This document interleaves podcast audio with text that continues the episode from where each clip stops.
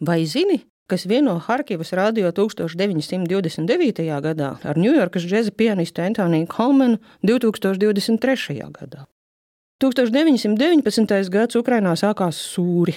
Tās teritorijā cīnījās sešas naidīgas armijas. Ukraiņas Tautas Republikas armija, Sarkanā jeb Padomju armija, Baltā gvarde, Polijas armija, Antantes valstu karaspēka daļas un Nestora Mahno anarchistu armija, un arī tās vēl nebija viss. Karoja arī desmitiem lielu un mazu bandu un bruņotu pulku. Sakari ar ārpasauli bija vāji, pilsētās bija bats, ciemi noslēdzās un sargājās paši. Harkivu 3. janvārī no jauna sagrāba sarkanās armijas daļas, un pēc trim dienām tur tika pasludināta Ukrainas Socialistiskā padomju republika. Harkiva, līdz šim provinciāls lielmiests, kurā toni noteica krievu tirgoņi un rūpnieki, kļuva par šīs republikas galvaspilsētu. Kā raksta valodnieks Jurijs Ševeļovs, Svešā vara, kas spiesta nomināli atzīt Ukrainu par Ukrainas galvaspilsētu, izgudrējumu pasludina Harkivu. Ja reiz līdz šim tā bijusi plaši vaļā atrauti vārti no ziemeļiem uz dienvidiem, tad kāpēc lai arī tagad nepildītu šo lomu? Taču Ukrāņu stihiju, kas izgājusi no krastiem, vairs nevar iedzīt patriarchālās zemniecības rimtajā gultnē. Tā pieņem izaicinājumu. Ak, Harkiva ir Ukrainas galvaspilsēta, Labi, tad padarīsim Harkivu par Ukraiņu galvaspilsētu. Vēl vairāk padarīsim to par jaunās Ukrainas simbolu un centru. Harkiva būs Ukraiņu Ukrainas Ukrainiskā galvaspilsēta. Uz Harkivu plūst cilvēku upes. Desmit gadus vēlāk pilsētā bija jau 771 liels un mazs uzņēmums. To strādniekiem, proletariātam, kā toreiz lepni teica, tika celti mājokļi, tapa debesis skrāpji bija iecerēts masu darbības teātris 6000 skatītājiem. Pilsēta pārtapa acu priekšā, turklāt apbrīnojamā kārtā jaunā Harkiva aug nenojaucot veco. Tā tiek būvēta līdzās.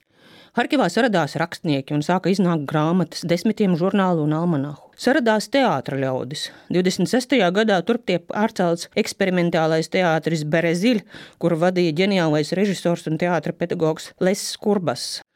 Bereziļa programma bija cīņa pret mākslu mākslai, izklaidēšanu un rutīnu teātrī. Režisors mērķiecīgi meklē avangardu, ekspresionismu, konstruktīvismu un pat neobarkālu simbolismu. Harkivā Kurbasam kopā ar izcilo dramaturgu Mikolu Kulīšu radot izrādes, kurās tika grauti padomju varas kultivētās un uztieptās pasaules uzskata dogmas, neklājās viegli. Tad viņam talkā nāca radio. 1924. gadā Harkivā tapa radio, Pirms tam visā PSRS radio bija tikai Maskavā un Ļeņingradā. 16. novembrī tieši 19.00 pilsētas centrā no skaļruņiem, kas atradās uz namu jumtiem, atskanēja: Hallo, hallo, hallo! Runā Harkiva, runā Harkiva, runā Harkiva! Visiem, visiem, visiem! Diktoru toreiz vēl nebija, runāja radiotehniķis kurš, kā jau sakarniekiem pieņemts, skaidri un skaļi atkārtoja svarīgākos vārdus. Radio studijā atradās klavieres un mikrofons, nekā cita tur nebija. Taču jau pēc četriem gadiem Harkivā bija izveidots pirmais radiotīkls, vēl pēc gada pilsētā bija ap 19 radio uztvērēju. Tad nu raugi, kur Bass izlēma Harkivas skatītāju pieaucēšanai izmantot radiospēku. Un Bereziļā tapa džeza mūzikls, viens no pašiem pirmajiem šajā Eiropas daļā. Mūzikls nosaukums bija Hallo 477. vilnī, jo 477 metru vilnī raidīja Harkivas radio. Izrādīja bija trīs savā starpā tematiski nesaistītas daļas. Aulēkšiem pa Harkivu bija dažādi sēniņas, piemēram, universāla veikals, dārziņš skrienot, galašas numuru 13. Otrās daļas darbība notika Amerikā, tā bija visīstākā amerikāņu rēvija. Kordebaleta meiču deju džesbenda pavadījumā, vēl arī klauna un žonglēšana. Teātra prīma Valentīna Čistjakovas klavierēm spēlē suņu valsi. Trešo daļu sauca Ellīga mistērija. Tās varonis bija no čekas nagiem bez maz pēdējā brīdī izrautais satīrītis Ostaps Višņa. Viņš arī viens no teksta autoriem. Citus bija rakstījis profesors un spožais rakstnieks Maiks Johansens. Uz skatuves bija pats nācijas mīlulis, višņa dedzīgs mednieks, un aktieri ar lielām leļu galvām tēloja citus rakstniekus, medību mīļotājus piedzīvojumos mežā.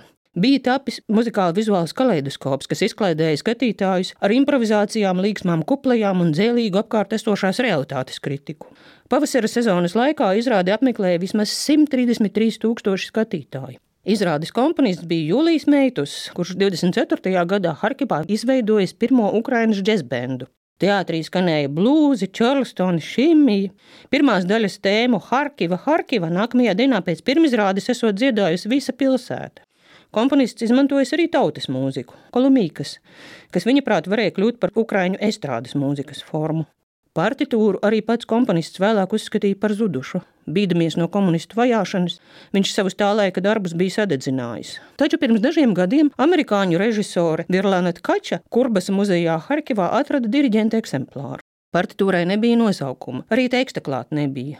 Un Kača, notis lasīt neprasdama, sāka to rādīt draugiem mūziķiem. Leģendārais ņujorkas džēza pianists Antonijs Kolmens acu mirklī saprata. Tas ir 20. gadu džēzs Eiropas izpratnē. Radās iecer mūziklu atjaunot, un Kolmens atraduma iedvesmots rakstīja klāt trūkstošo materiālu. 2021. gada rudenī abi ar Tkaču ieradās Harkivā piemeklēt mūziķus. Tā kā izrādes librets nav saglabājies, režisori uzaicināja Harkivas dzinieku Serhiju Žadanu uzrakstīt pavisam jaunus tekstus. Jaunās izrādes caurvīja motīvs ir radio. Žadans ir teicis: Mums visiem, gan ukrāņiem, gan amerikāņiem, kas strādā pie projekta, šī izrāde pirmkārt ir mēģinājums parādīt mūsu nepārtrūkstošo saliedētību laikā. To, kā viss savstarpēji izriet cits no cita - ukrāņu kultūras un ukrāņu ideju pēctecību. Darbs pie izrādes teksta beidzās jau tad, kad bija sācies lielais karš. Tādēļ mūzikla pēdējā cēlienā stāstīts par Harkivu kara laikā. Iecerta to parādīt Harkivā pagaidām ir atlikta. Līdz šim izrādi redzējuši Ņujorkas skatītāji.